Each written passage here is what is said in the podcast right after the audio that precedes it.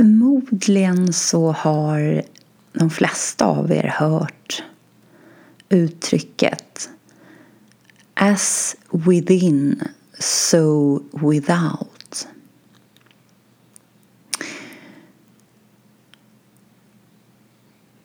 Och vi kan låta det uttrycket vila lite grann och se om det kan sjunka in lite och kanske också klarna för oss.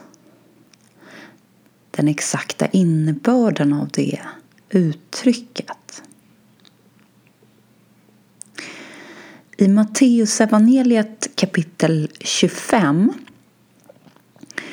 så finns en liknelse som heter liknelsen om talenterna. Och motsvarande liknelse finns även i Lukas evangeliet. Och jag läser på svenska nu. Det kommer att bli som när en man skulle resa utomlands. Han kallade till sig sina tjänare och lämnade sin förmögenhet åt dem. En gav han fem talenter, en annan två och en tredje en talent. Var och en efter hans förmåga. Sedan gav han sig iväg.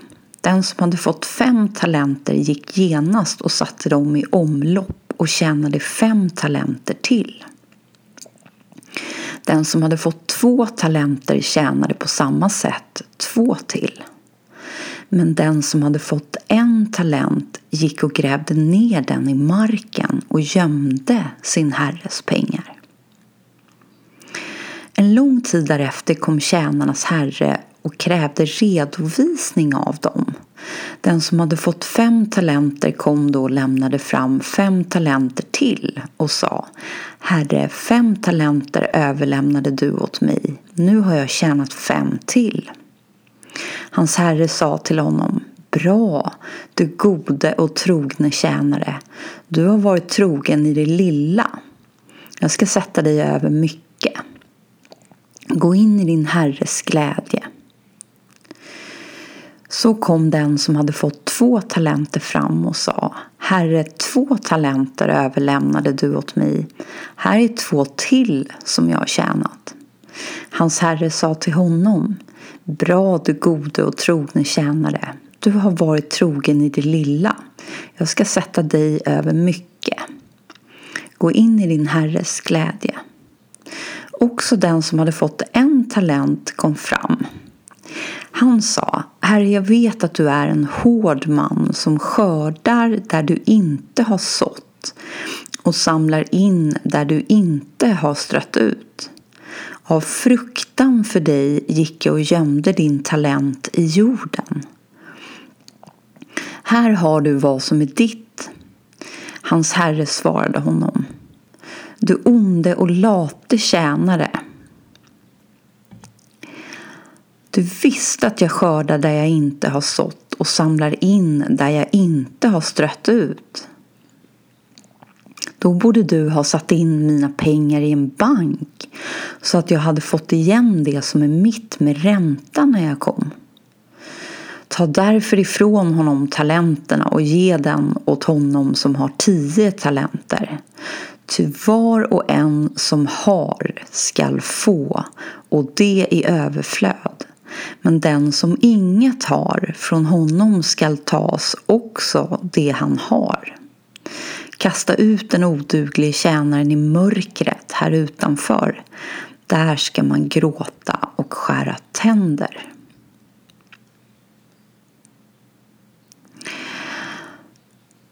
Så det är tre olika tjänare och den första tjänaren får då fem talenter och lyckas tjäna ihop fem till, det vill säga tio. Och hans herre är väldigt nöjd med honom. Och så har vi en till tjänare som får två talenter och lyckas tjäna in två till. Och även med honom är Herren mycket nöjd. Men så har vi den här sista som av fruktan för sin Herre också har valt att gräva ner sin talent i jorden. Så att han åtminstone skulle ha den kvar när hans herre kommer och tillbaka och förmodligen vill ha någon redovisning av honom.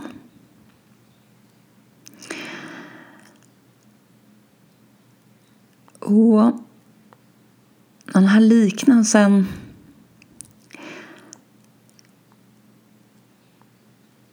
innehåller flera pekare in mot det som har att göra med egentligen har att göra med vårt tillstånd, alltså lite grann det här It's not what you do but who you are. Jag tror att vi alla till en början kan känna lite grann att de två första har ju Dels känner de ju att deras herre visar ett stort förtroende för dem. De har fått någonting att förvalta som de verkligen tar på största allvar och verkligen också vill göra det bästa av. Och båda har ju också en stor portion tillit här, trust. De går inte in i rädsla utan istället känner de att när vi nu har fått det här fina förtroendet så vill vi ju verkligen göra det bästa av det. Medan den sista tjänaren väljer istället att fokusera på sin rädsla och det han uttrycker som fruktan för sin herre. Och jag vet inte om ni minns men vi var ju lite inne på det här med the law of cause and effect och även lite karmalagen för ett tag sedan. Och någonstans inom ramen för det vi kallar för världen så råder det självklart det vi skulle kunna benämna som någon slags ordning. Man kanske vill kalla det för gudomlig ordning eller vad man vill. Men någon slags ordning på samma sätt som det råder ordning vilket vi redan som människor verkligen har koll på när det gäller naturen och dess lagar. Och avslutningen i den här liknelsen avslöjar lite grann den här ordningen. När Jesus säger den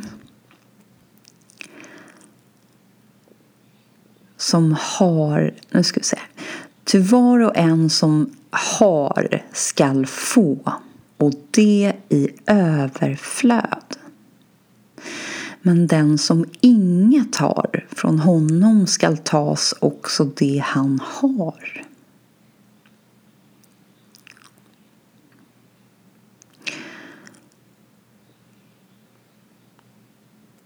Och det här handlar på den djupaste nivån så handlar det här verkligen om vårt inre, jag ska inte kalla det för tillstånd egentligen därför att när vi blir medvetna om sanningen om oss själva så vilar ju någonstans den sanningen bortom alla olika tillstånd och de första tillstånden är ju det här vi har varit inne på med djupsömn, drömsömn och det så kallade vakna tillståndet. Och sen inom ramen för det vakna tillståndet så kan det ju i princip uppstå hur många ytterligare tillstånd som helst. Men mer medvetenhet om vilka vi är och sanningen om oss själva. Och när vi vilar där så kommer det vi skulle kunna kalla för true faith. Alltså en känsla av att vi verkligen på något sätt är omhändertagna. Vi, vi vet någonstans, eller vi är medvetna om vår evighet.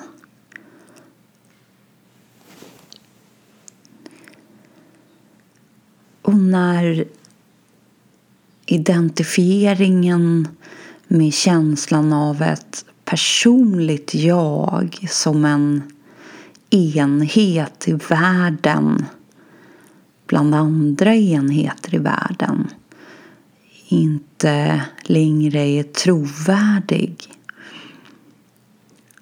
så faller väldigt mycket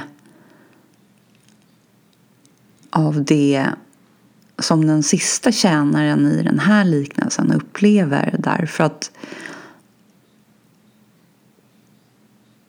det kan egentligen bara upplevas som sant för någon som verkligen är identifierad som en person och ett personligt jag.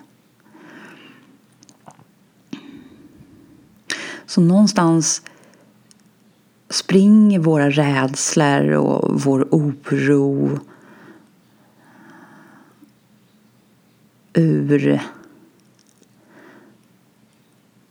vår identifiering med ett personligt separerat jag.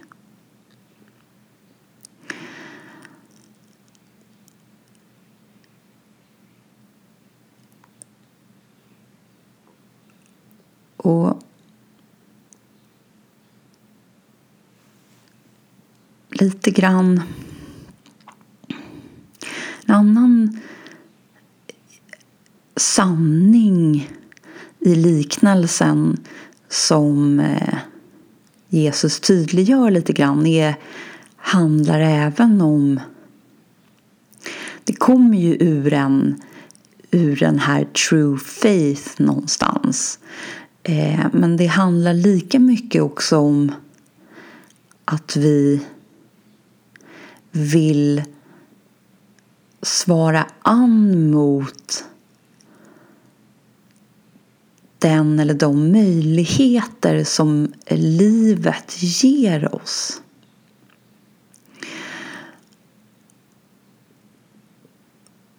Och genom att uppehålla oss vid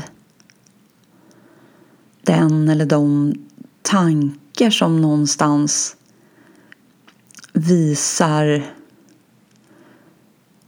oss som möjliga så göder vi mer av den varan. Det, det som till en början känns lite möjligt blir plötsligt mer och mer möjligt. Medan när vi uppehåller oss vid tankar som istället utgår ifrån rädsla och någon form av idé om vad som skulle kunna gå snett. Ja, då göder vi mer av den varan. Så innan vi på något sätt riktigt har landat hemma och blivit medvetna om sanningen om oss själva så och förblir på något sätt på nivån identifierade så skapar vi verkligen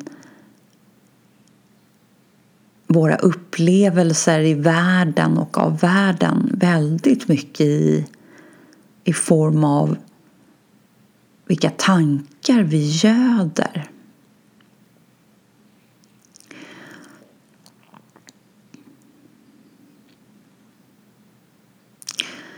Så på något sätt alla de här lite naturlagen och lagarna råder på något sätt så länge vi är identifierade som en separerad enhet och, och lever som det i, i världen.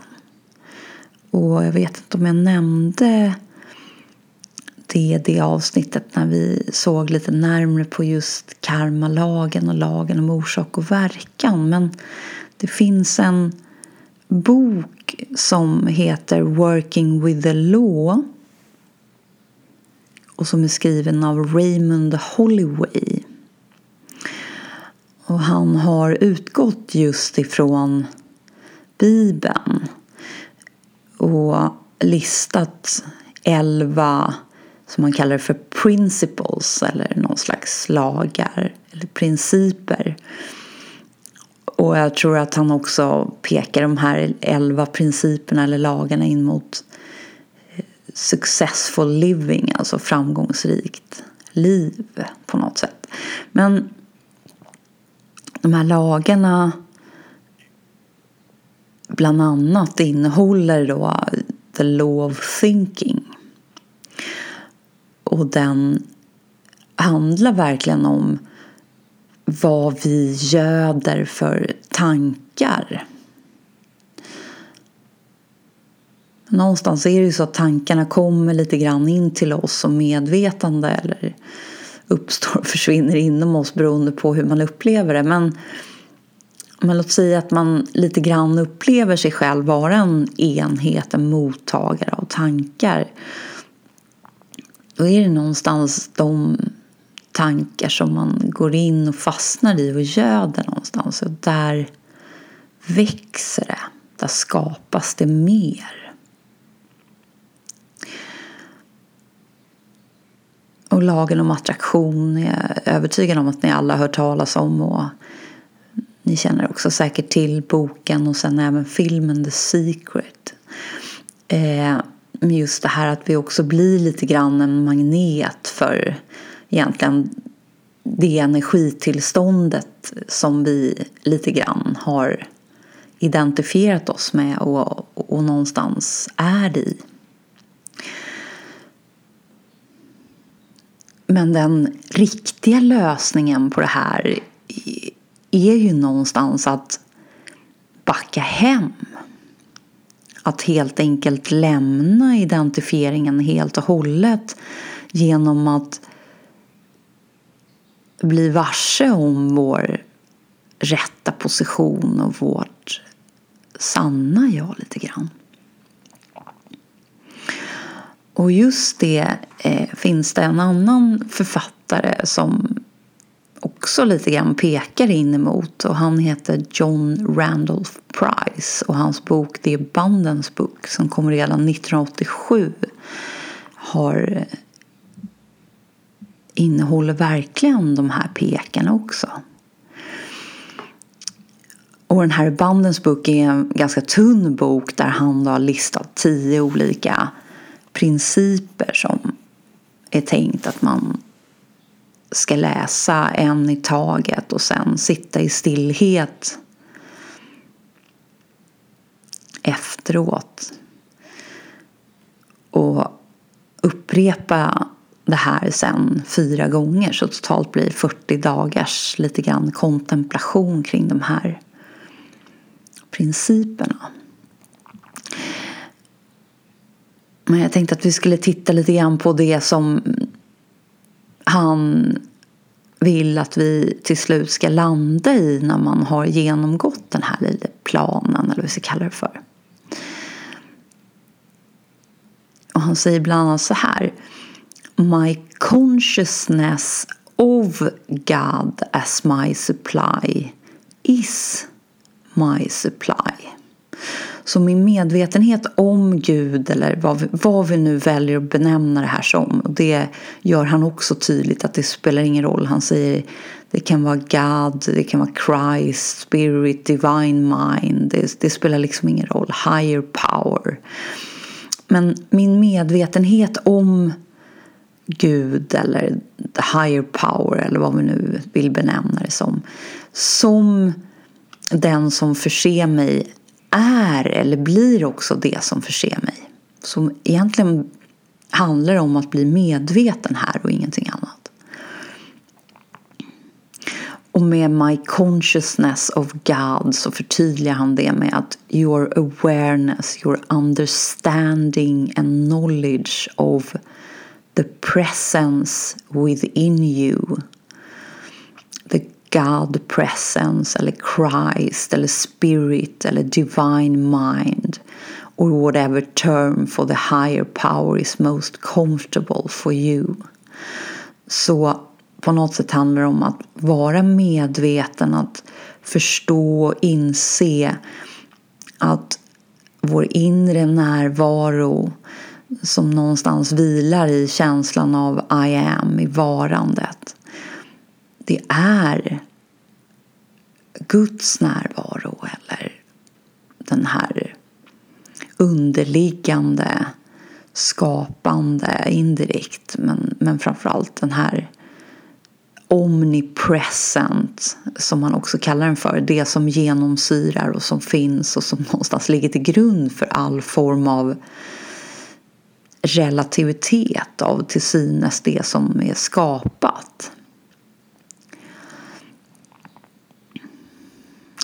Och han pekar också på just det här att i samma sekund som vi blir medvetna om någonting så drar vi också det till oss.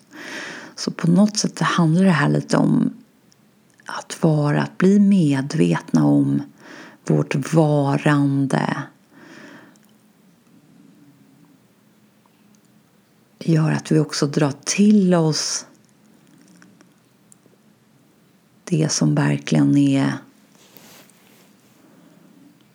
lite grann manifesterat i oss som vårt varande.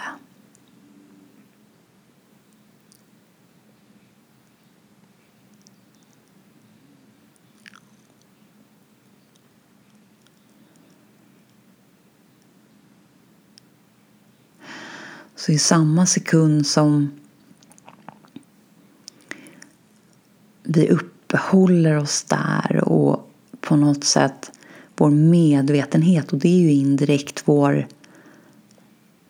uppmärksamhet som vi varit inne på. Så att först riktar vi uppmärksamheten hem och någonstans när vi gör det och när vi vilar där så ger vi oss själva möjlighet att bli medvetna om vårt varande. Och då är det som han säger här Then you open your consciousness to receive the presence of God. Så på något sätt öppnar vi upp också då för att kunna ta emot Guds närvaro inom oss. Och det är någonstans den han verkligen sen pekar på är det är vårt supply. Det är den som verkligen förser oss.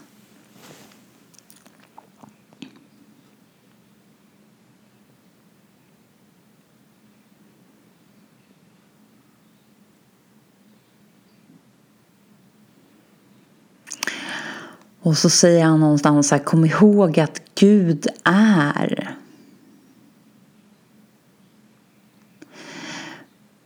Men inte nödvändigtvis i det du erfar och upplever i den så kallade världen. Om inte du är aware, alltså medveten inom dig.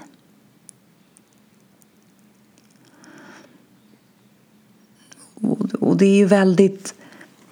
Det, det handlar ju om exakt samma sak som det hela tiden lite grann har tittat på från olika håll här. Det vill säga att lever vi lite grann bortvända från sanningen. Vi har inte vår uppmärksamhet riktad dit. Vi har inte blivit medvetna. Då blir inte heller vår upplevelse av världen fylld med Guds närvaro. Eller lite grann källa.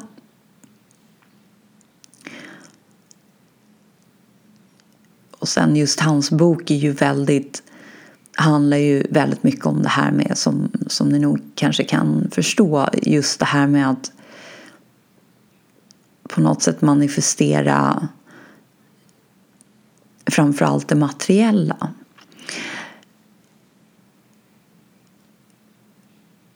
Men den kanske viktigaste pekaren i boken förutom just det här att verkligen att den pekar oss hemåt, inåt, tillbaka till lite grann vårt varande och också sanningen som vilar där. Det är också någonting som Jesus liknelse faktiskt visar tydligt också. Och det handlar ju om att de möjligheter som ges till oss, det vi någonstans har fått till låns lite grann för att förvalta ska ju också passera vidare. Vi, vi är ju någon slags hål i en flöjt. Alltså vi ska ju på något sätt det ska passera via oss, genom oss och vidare ut så att vi inte stoppar upp något flöde här. Och det finns en annan liknelse som handlar just om det med en man som har fått en skörd som har gett honom ett totalt överflöd och han funderar på att bygga större lader nu för att kunna bunkra upp allt det som skörden har givit honom. Och samma natt så dör han. Och Jesus tar just den här liknelsen som en liten varning. Det här att det som kommer och det vi någonstans upplever att vi får till oss det ska ju inte stanna där utan det är ju ett flöde hela tiden som på något sätt ska ut och vidare så att nytt också kan komma och kommer att komma hela tiden. Det, det flödar. Och det här är ju tydligt när vi ser just återigen på naturen som är en, en tyst vilande ständig påminnelse om just överflöd.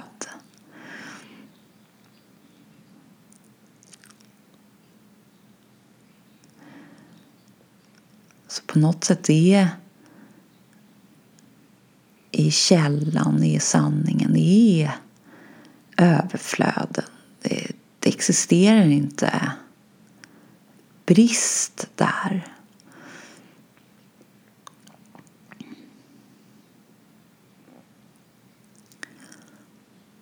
Därför att rädsla och, och allt det som kommer ur rädsla i form av att vara orolig eller skeptisk eller vad det nu kan vara. Ja, men det handlar om när vi har vänt oss ifrån sanningen och på något sätt själva gjort oss till små. Och ni minns också just Eckarts det här när vi blir precis filled, your actions will be filled with spiritual power. När vi någonstans strävar efter att uppnå vårt inre syfte.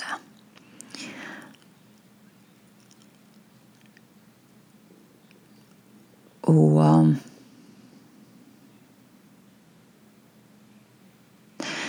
En annan sak som den här liknelsen visar och, och pekar oss in mot det handlar om någonting som kommer upp ganska tidigt i liknelsen. Men när Herren delar ut de här talenterna så står det också var och en efter sin förmåga.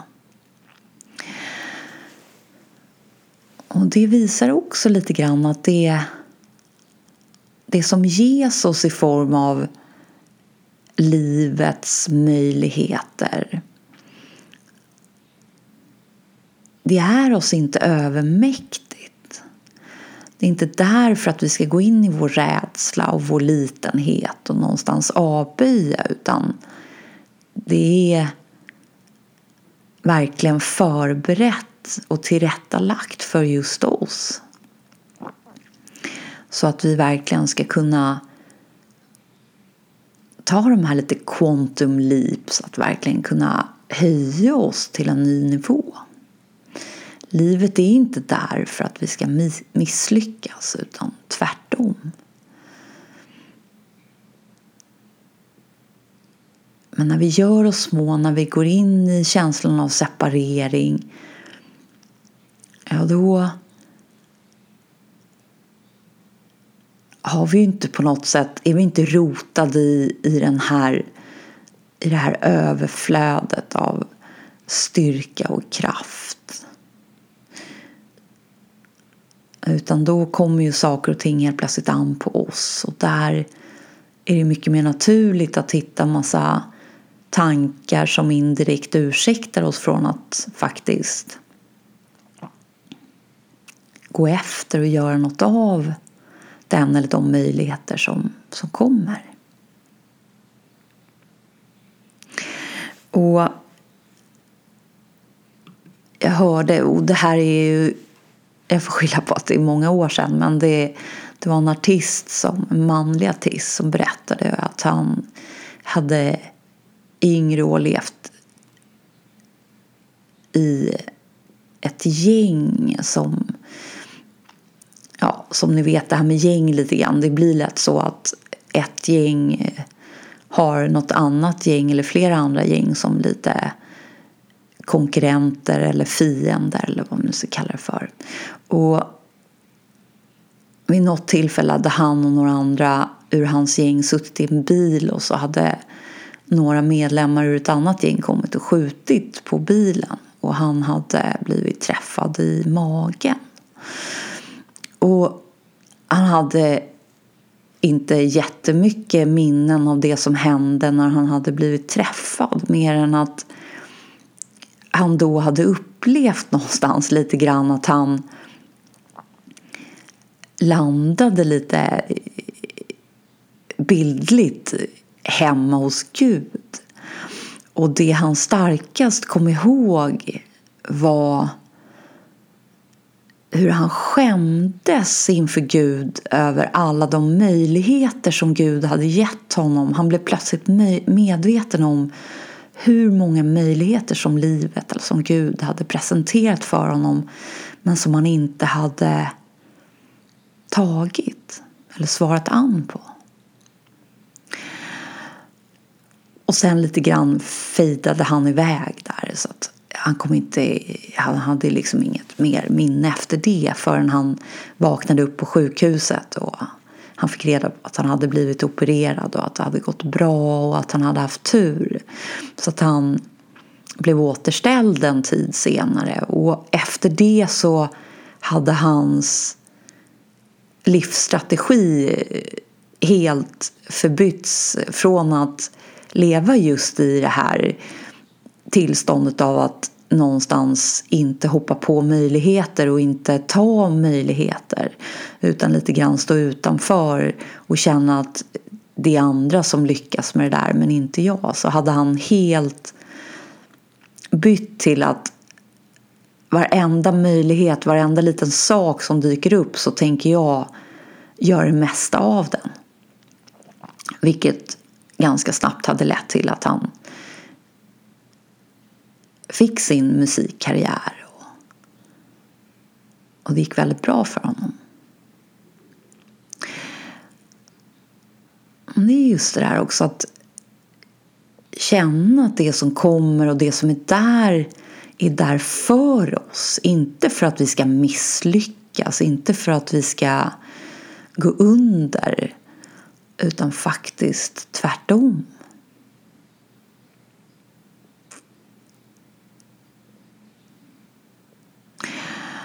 Och det finns en annan författare som har skrivit en bok som heter You squared. Som handlar lite om det här att just istället för att ta små steg så ska vi kunna ta stora steg. Och jag tror det enda jag läste i den boken var just förordet som där författaren beskriver en scen där en fluga försöker komma ut genom att flyga om och om igen mot en fönsterruta inomhus. Och bara några meter längre bort så står en dörr på glänt. Alltså, ni vet någon sån här lite balkongdörr som leder ändå ut utomhus. Men flugan backar orkar inte och, och liksom lite det här större perspektivet utan den går ju på rutan om och om och om igen tills den till slut naturligtvis dör. Och vi har väl alla sett hur många flugor som kan ligga i fönsterkarmen efter att ha försökt göra samma sak. Och, och hans poäng med det där redan i förordet handlar just om när vi upplever det här i våra liv lite grann vi stångar oss blodiga eller det är en kamp väldigt mycket. Ja, då kanske vi har fastnat lite som den här flugan har gjort att vi försöker gå efter någonting eller vi ser någonting som vi vill till men men vi kanske har fel taktik här. Vi kanske ska zooma ut lite grann. Och faktiskt det absolut mest effektiva sättet att just zooma ut är att återvända hem lite grann med vår uppmärksamhet. Därför att där blir allting klart.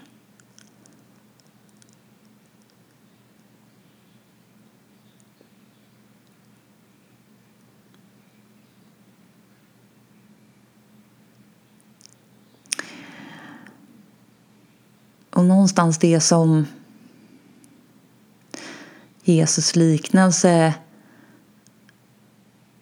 handlar om att peka mot och, och tydliggör är just att de här två första som fick fem och två talenter och som de verkligen förräntade och, och någonstans också såg till att de fördubblades. Ja, men de ville både hedra sina möjligheter som hade getts dem och någonstans också återgälda den det förtroendet och visa sin uppskattning och sin tacksamhet och göra det allra, allra mesta av det som de hade upplevde att de hade fått. Medan då den tredje i fruktan och i rädsla grävde ner sin talent. Och ni minns kanske just att Herren sa att du kunde åtminstone ha gått till banken. Och det var väl någonstans en symbol lite grann för att där hade du åtminstone på något sätt svarat an mot det förtroendet som jag visade dig här och som jag också hade i dig.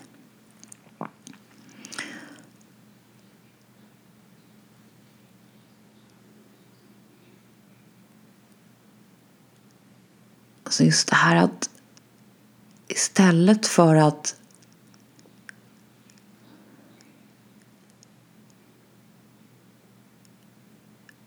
känna att det som kommer in i våra liv och som någonstans är där är emot oss.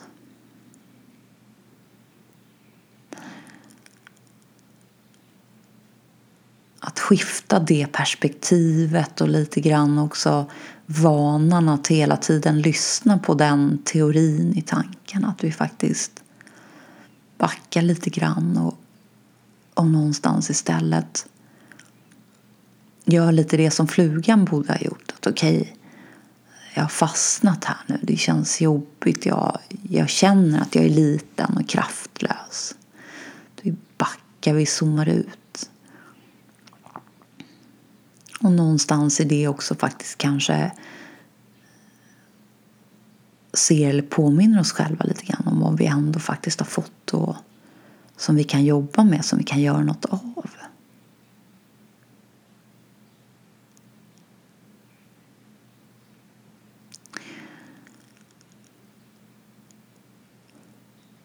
Och här att vända uppmärksamheten inåt, hemåt, tillbaka ja, där vilar ju någonstans de högsta svaren också.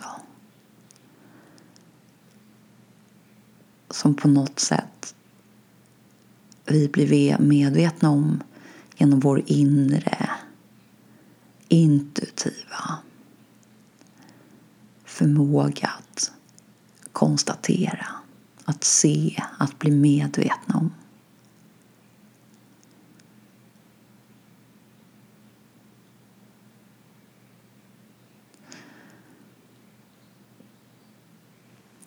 Och i precis i första sidan på den här bandens bok så såg jag att jag själv hade skrivit ner någonting som Eckart Tolle har sagt och som jag kände var väldigt bra. Being spiritual has nothing to do with what you believe and everything to do with your state of consciousness. Så att kalla sig andlig eller spirituell, det har ingenting att göra med vad du tror på för någonting. Hur mycket du än tror på lagen om attraktion eller tror på Gud eller vad, vad vi än ska säga att vår, vår tro och våra lite grann där handlar om. Det handlar enkom eller bara om ditt medvetandetillstånd eller faktiskt också din nivå av medvetande. Och det sammanfattar väldigt mycket hela den här boken också. Det är bandens bok.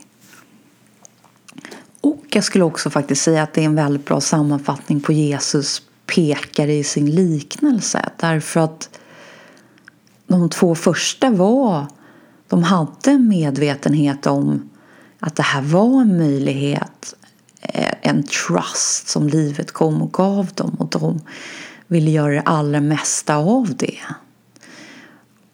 Och de gick inte överhuvudtaget in med sin uppmärksamhet eller sin uppehöll sig inte alls vid tänk om det inte går bra utan med full trust. Och också en känsla av att de verkligen kände att de ville visa sin herre som hade trott på dem och lite grann också lagt sin investering hos dem. De ville verkligen visa honom att de var tacksamma och de ville göra det allra mesta av den möjligheten. Så det var också i en väldigt positiv känsla de gick in. Medan den tredje istället valde att gå in i fear och också indirekt en känsla av att jag kommer inte klara det. Tänk om jag inte klarar det här och då kommer min herre som jag fruktar han kommer inte bli nöjd med mig då. Så just det här att se att ju mer medvetna vi blir och är om vilka, vem eller vad snarare vi, vi är och vad vi har att tillgå också. Vi är ju själva livet. Så den som också kommer med möjligheterna, ja det är ju indirekt vi själva som ger oss de här möjligheterna hela tiden. På samma sätt som att det är vi själva som kallar oss hem.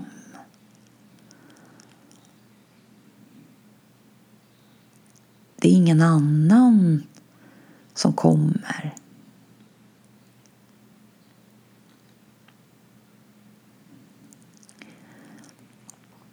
Och vi kan avsluta just med